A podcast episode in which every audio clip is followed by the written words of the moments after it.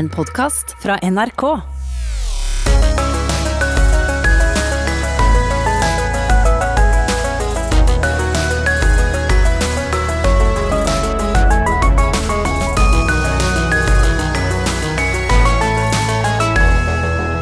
Han ene er politimannen som gjorde suksess på å skrive fengslende krim. Han andre er skuespilleren som like lett spiller psykisk utviklingshemma som drapsetterforsker. Nå møtes de igjen i sesong to av TV-serien om William Wisting. Jørn Lier Horst og Sven Nordin er dagens gjester i campingstolen.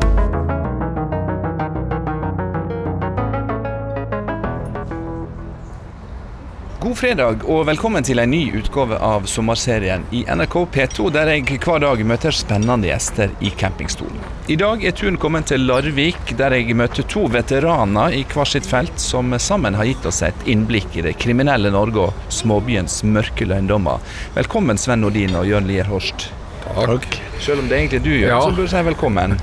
Velkommen til Larvik. Takk.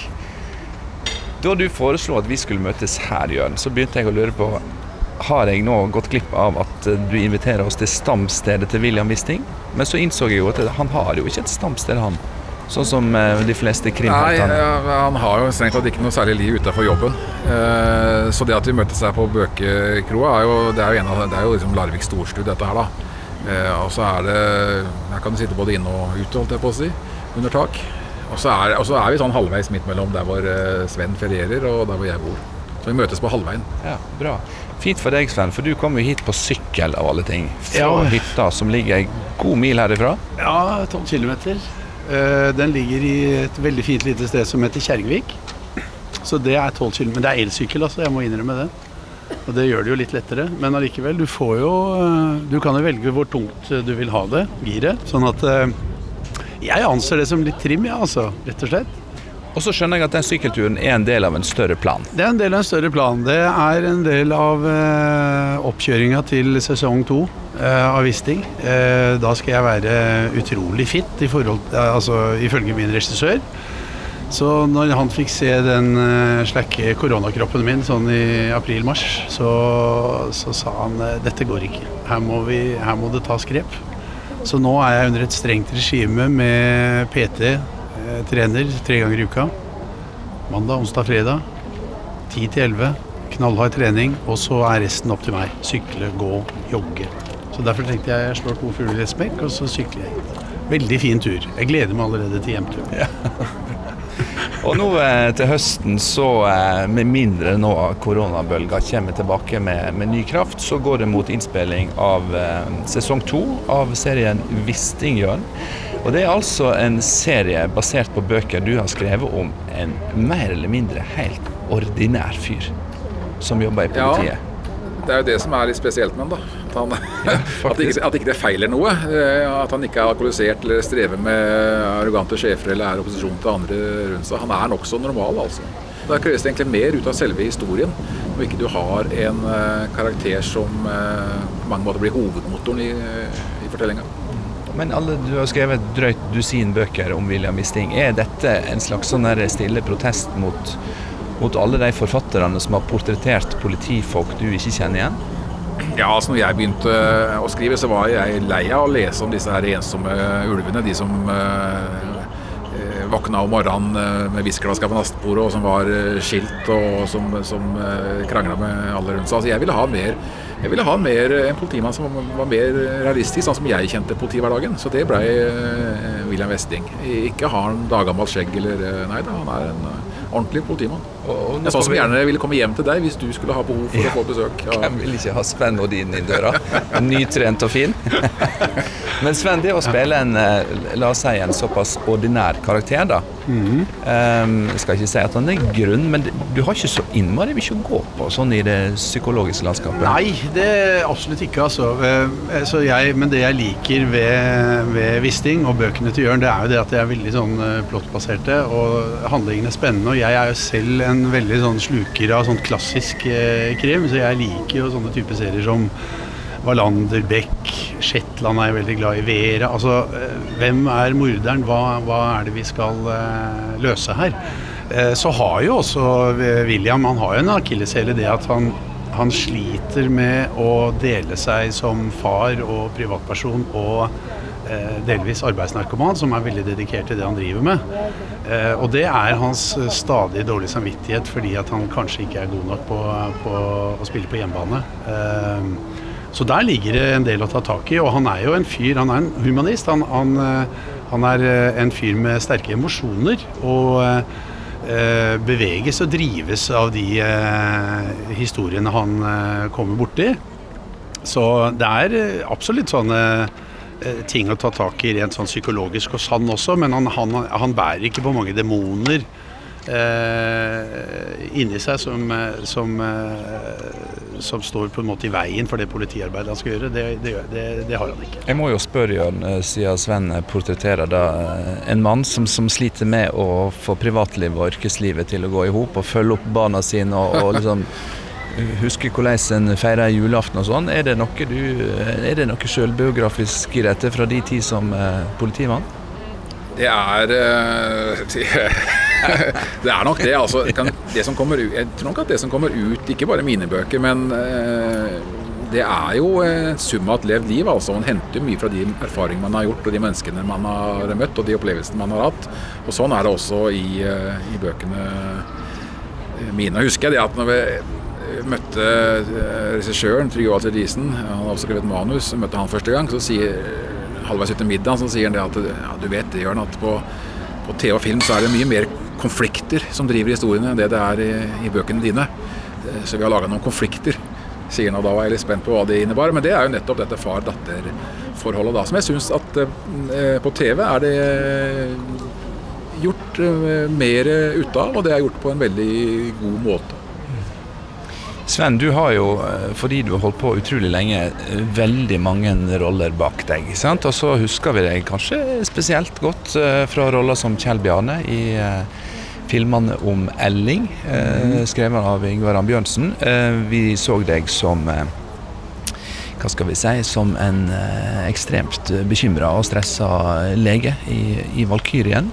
og så har vi da William Wisting med det, det skarpe politiblikket utrolig forskjellige roller. Men fins det sånn menneskelig sett noen sånn fellestrekk her som du, som du eh, binder dette i hop med?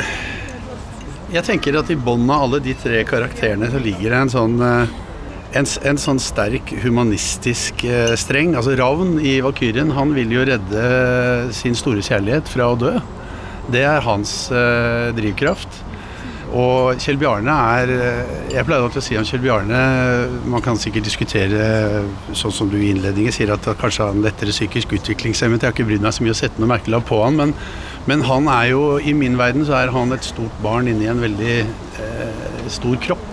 Eh, han har en veldig sånn sterk barnlighet over seg, men i, i bunnen så ligger også en veldig sånn snillhet i karakteren. Og jeg opplever både Ravn og William Wisting og Kjell Bjarne som veldig eh, snille eh, karakterer. Altså de er, de, de er eh, karakterer som, som, vil noe godt, eh, alle tre på hver sin måte. Og Apropos godt å, å være snill i bånd. Når vi sitter her da, Jørn, i eh, sommerblide Larvik, så er det jo egentlig vanskelig å tenke seg at det skal eksistere så mye dævelskap her at det går an å skrive 13 blodige krimromaner. Nei, men Det er jo på mange måter nettopp de kontrastene som jeg uh, bruker i bøkene. altså Stavern og Larvik er jo, er jo altså, Det var jo Wilmer som kalte Stavern for Norges lille smilehull. Og det er det jo. Det er en sånn idyllisk liten uh, kystby. Men også der så er det jo uh, mørke sider da, og, og skyggesider. Og det er kanskje det jeg liker å pirke litt i i bøkene mine.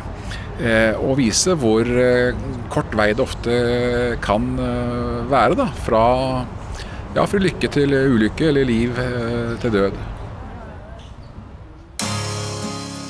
Du hører sommerserien To i campingstol på NRK P2, i dag fra Larvik, der jeg møter krimforfatter Jørn Lier Horst og skuespilleren Sven Nordin.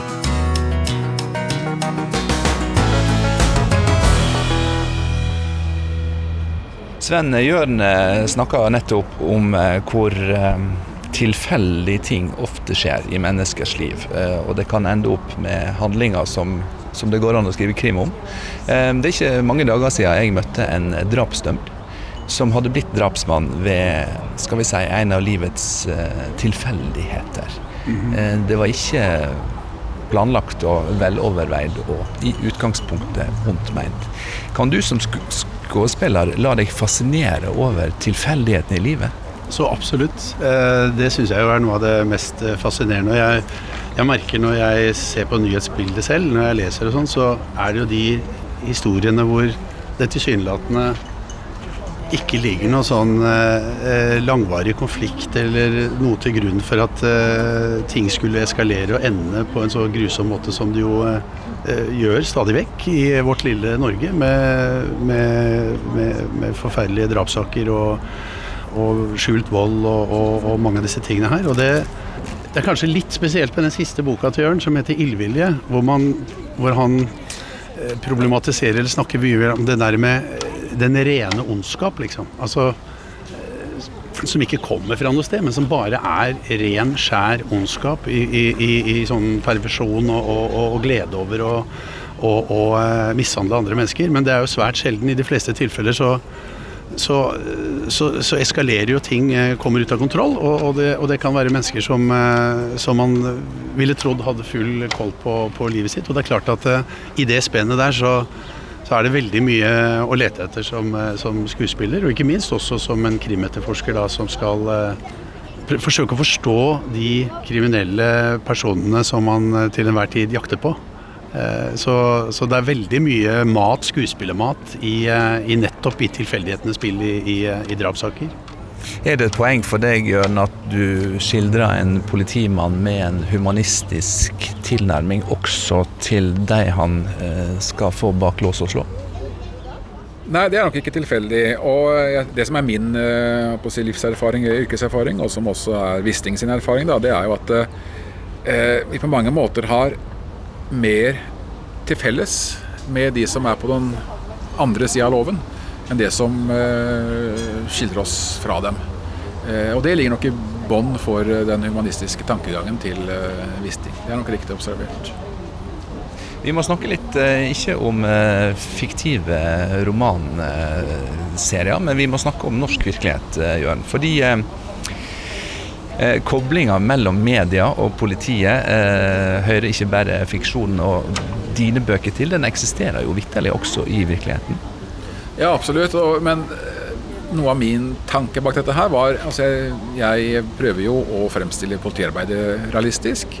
Eh, altså Hvordan pressene blir fremstilt i krimromanen er ofte veldig klisjéfylt. De går i veien, og de ulyver, og de har lange kameralinser og sånt. Og min erfaring er at eh, jeg har knapt blitt uh, feilsitert.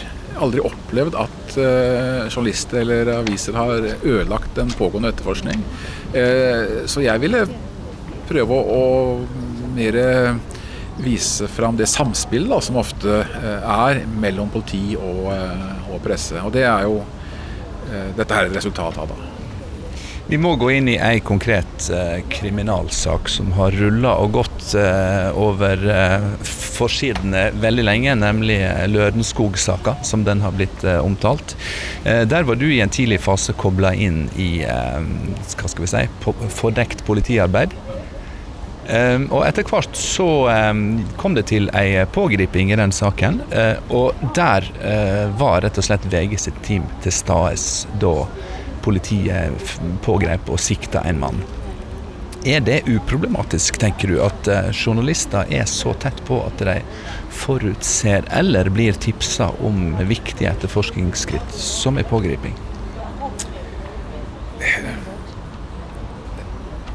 Jeg, jeg, jeg har aldri opplevd liksom, pressens håndtering av pågående saker som problematisk eller, eller, ødeleggende. Tvert imot så ivaretar jo media ofte en rolle som politiet overser, nemlig altså informasjonsrollen. da. Politiet har jo en informasjonsoppgave å fortelle publikum eh, hva som foregår. Eh, Men vi trenger jo ikke se pågripelse? Nei, nei, da. Så eh, det som jeg syns er mer problematisk, er kanskje at man konstruerer nærmest en forklaring på hvordan pressen kan være til stede på tid og sted som, som kan være ødeleggende for uh, politiet. Hvem som konstruerer det, tenker du? antagelig for å verne om kildene sine, så er det jo, er det jo da presten som ikke kommer opp med noen, noen plausibel forklaring på strengt tatt hvorfor man var i den posisjonen man var. Men når journalister som følger ei etterforsking av en kriminalsak veldig tett, og etter en pågriping sier at det, dette har vi venta på i flere måneder, vi, vi, visste at det ville komme, det var bare et spørsmål om når. Tyder ikke det på bånd mellom politi og media som er uheldig tette? Ja, men jeg tror at, jeg tror ikke at eh, denne pågripelsen kom som en overraskelse på de som har fulgt saken eh, i det hele tatt. Det er kanskje sånn at VG har hatt mest milde ressurser til å ligge tett på.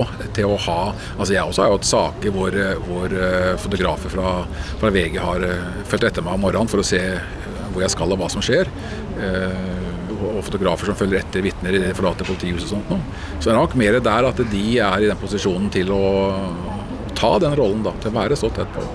Jørn, hvordan hadde William Wisting eh, gått inn i Lørenskog-saka hvis han ble kobla på den? Ikke så veldig annerledes enn det som har foregått, eh, tror jeg. Nå vet jo ikke vi eh, strengt tatt hva som har foregått heller. Eh, men, men, eh, jeg tror at politiet her fra starten har hatt et, både et åpent sinn, og så har man hatt det som jeg beskriver gjerne som en bred etterforskning. Men den brede etterforskninga den ser vi jo ikke resultatene av. Det var jo den brede etterforskninga som jeg eh, deltok i i startfasen. Og det handla jo om å, å, sjekke ut kriminelle miljøer hvor jeg hadde forbindelser og kontakter, aktivere mine gamle informanter og høre om de visste noe, om de hadde hørt noe. Men i de miljøene som man kunne tenke seg sto, kunne, kunne, stå bak. Da. Det er jo sånn, ikke sant, Når Nokas ble rana, så var det svært begrensa kriminelle Norge som kunne tenkes å være involvert i det. Eh, og, og, samme var det i denne saken. Og når svaret ikke lå der, så eh, ikke det kommer noen signaler fra de miljøene, så, så styrkes jo andre hypoteser eh, tilsvarende. I starten av Lørenskog-saka så eh, ble jo dette presentert som ei utpressingssak. Og eh, nettopp som du sier at eh, mistanken gikk mot utenlandske kriminelle miljø. Og de trådene der fra små norske samfunn, enten det nå er Lørenskog, Larvik eller Stavern, der går det tråder ut i internasjonal organisert kriminalitet, også i dine bøker. Hva er det du vil ja, fortelle oss? Eh, det hender jo det, altså. Det, jeg skrev en bok som heter eh, uh, når, det uh, når, det mørkner, heter den. Som er en sånn som, hvor, hvor handlinga starter i nåtid, men så må vi 33 år tilbake i tid, hvor Wisting var en ung etterforsker. Hvor Line vel fremdeles lå i, i barnevogna. Og, og, så får han sin første sak, det som gjør ham til den etterforskeren vi kjenner i dag. Og så prøver jeg å beskrive hva som har skjedd på de tre tiåra som har gått i mellomtida. Hvordan kriminaliteten har blitt mer grenseoverskridende, hvordan den har blitt mer organisert, eh, mer brutal. Eh, og det ser vi også resultatene av her i Norge. Jeg husker jo en av de første lærebøkene jeg leste om etterforskerfaget. Eh, der sto det jo altså hvis det skjedde en alvorlig handling, en voldshandling, så noe av etterforskningsskrittet man måtte gjøre, var å oppsøke lokale vertshus eller overnattingssted for å se om det var utenbys folk eh, i bygda. Veldig analogt. Ja. og sånn er, sånn er, altså I dag så kan jo eh, et menneske kan jo være i, eh, i New York om morgenen og eh, Paris på ettermiddagen og Oslo om kvelden og overnatte i, i, København. Sånn har jo verden blitt mindre. Og så har jo samtidig også kriminaliteten flytta seg fra gatenivå og, inn på på internettet ser vi også et eksempel på i Lørenskog-saken, hvor man skulle ha løsepenger i, i kryptovaluta. Da.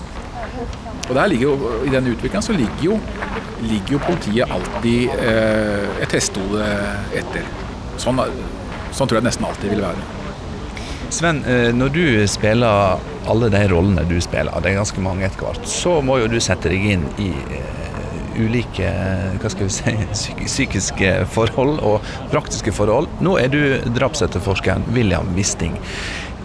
Hva har du lært? Eh, ikke om han, men om eh, denne kriminaliteten Jørn snakker om, og politiets arbeid med den. Nei, altså, jeg syns jo det, det, det, morsomste skuespillerarbeidet, og som jo gjør det gøy å være, ha det yrket som jeg har, er at du stadig vekk får ny kunnskap om nye yrkesområder. Så denne gangen. Og det, det, veldig, det legger Jørn veldig vekt på i bøkene sine. At det, veldig, det ligger veldig sånn et, et, realistisk fundament. Det er et uh, nitid, veldig detaljert politiarbeid. I alle sånne typer yrker så er det jo veldig mye sånne praktiske ting som man må lære seg. Og det er jo veldig kjipt å bli tatt på det som skuespiller. Altså Hvis du er lege f.eks. og ikke har eh, alt det du ser av hender som jobber med, med, kirurgi, bare er tull og tøys. Og det er klart at eh, man er nødt til å kompensere og tighte til og sånn når man jobber med en, en TV-serie, men, men, at fundamentet er korrekt. Sånn at hvis du skal uh, håndtere et skytevåpen, at du har en instruktør som lærer deg hvordan du fyller og tømmer et magasin, hvordan du lader, hvordan du uh, oppfører deg på skytebanen Eh, når vi skal samle DNA-materiale på et eh, åsted, at det gjøres korrekt. At alle de tingene som er eh, praktisk helt håndgripelig politiarbeid, at det, det, det, må gjøres ordentlig, liksom, så man ikke blir avslørt allerede i, i, i startfasen. Og da handler det, som jeg tror er suksessfaktoren da, i, i å tolke den rollen min som William Wisting, er at han, han har ikke noe sånn veldig stor personlig prestisje på at det er han som skal være den flinkeste. Så, og det ser jeg på som en, en veldig god lederegenskap, og det, det, har jeg prøvd å dyrke litt da, i, i, i eh, det kollegiale arbeidet som William Wisting har med Hammer og, og, eh, og Benjamin og alle de han har rundt seg. Han er jo ikke noe ufeilbarlig politimann, Wisting. Han gjør stadig vekk ganske store feil. Eh, og er jo nære suspensjon og, det ene med det andre. Eh, så, så, eh, det liker jeg ved han, at han har de menneskelige trekkene. At han ikke er perfekt. Han er absolutt ikke perfekt. Han gjør, han gjør mange feiltrinn underveis. Apropos trekk, Jørn. Hvordan har William Wisting sett ut inn i ditt hode når du har sett og skrevet disse bøkene? Ja, Det er jo litt rart å høre sikkert, men jeg har jo strengt tatt aldri hatt noe sånn Jeg har beskrevet han selvfølgelig, men jeg har ikke hatt noe sånn eh, klart bilde av Han er litt firskåret i ansiktet og har litt sånn ungdommelige, gutteaktige trekk. Mørk, blond. Du hadde ikke kjent han igjen i en sånn klassisk politikonfrontasjon? Nei, jeg hadde ikke det. Og, akkurat nå er jeg usikker også på hvilken øyefarge han har. Så det, hvis jeg skulle beskrevet han eh, i et nytt manus, så måtte jeg faktisk Eh, søkte opp i det forrige og se hva jeg har sagt der, for at det skal stemme overens. Men Hvordan ser han ut nå, da, når du setter deg ned og skal uh, skrive om han? Nei, Nå er det jo Sven som uh, trenger seg på, da. er det det? Ja, da, det er han du ser for deg? Ja, ja da, det, men det er jo ukom, uh, uproblematisk i og med at jeg aldri har hatt noen klart bilde. Mange, som, mange forfattere velger seg jo en skuespiller, faktisk, som de har som en mal. At da er det lettere å å fortelle hvordan et menneske ser ut hvis du har et ansikt uh, fra før. Endrer William Wisting seg fordi du får ansiktet av Sven i hodet, og hans etter hvert veltrente kropp? Eh, kanskje ikke så mye eh, Kanskje ikke så mye at utseendet har så mye å si, men eh, litt fakter. Hvordan han opptrer, hvordan han altså snakker, tar seg pauser og legger trykk på ord i setninger og sånt noe. Det er nok mer at jeg hører kanskje, jeg hører kanskje mer Sven enn jeg ser han for meg. Nå går det mot nye innspillinger av sesong to til høsten, men før den tid kommer, så er det litt mer sommer igjen.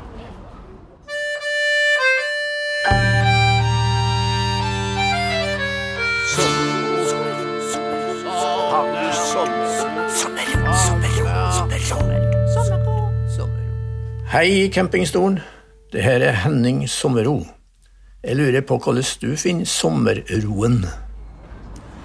Ja, øh, mitt øh, juleverksted ligger jo som sagt tolv km herfra. Uh, og det har jeg nå i disse litt tøffe koronatider hatt som base. Og det livet handler om der, er egentlig å gjøre minst mulig. Så når jeg Jeg vil si jeg kan, jeg kan, gi dere et bilde av noe som skjedde i går, som var helt sånn optimal, som jeg tror er det beste sommerminnet i år. Eh, takket være min nye elsykkel. så syklet vi inn til Sandefjord, kona mi og jeg i går. Spiste nydelig indisk mat. Eh, alle turistene hadde etter hvert begynt å reise hjem og, tilbake til jobb og sånn.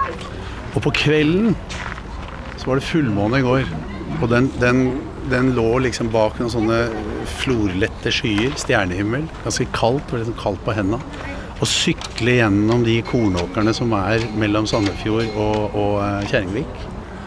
Med to rådyr som står akkurat liksom med hodet opp ute på jordet der, med månen rett i ansiktet. det er mitt fineste sommerminne for denne sommeren. Klarer du å slå den, Jørn? Nei. Nei, men jeg, jeg jo, eh, har jo bodd her i Stavern og Larvik halve livet, så jeg eh, reiser jo heller ikke bort herfra om sommeren. Så eh, jeg finner jo, finner jo sommerroen her, jeg. Gjerne i skjærgården. Gjerne på svaberg, både med lyden og lukta av salt sjø. Ja, skal ikke mer, skal ikke mer til. Og Så kan du ligge der og tenke at neste gang det skjer et eller annet voldsomt bestialsk her i Larvik-traktene, så er det Sven Nordin som kommer for å ordne opp. Det kan jeg godt tenke. Tusen takk begge to for at dere tok imot meg her i eh, William Wistings rike, Sven Nordin og Jørn Lier Horst. Eh, denne episoden av To i campingstol er med dette over. Vi er sterkt tilbake neste uke. Lars Erik Erskåringen er produsent, Håkon Haugsbø programleder. Takker for følget, sier god helg.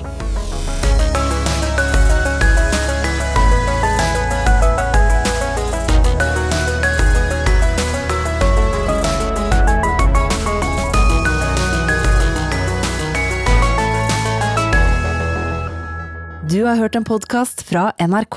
Hør flere podkaster og din NRK-kanal i appen NRK Radio.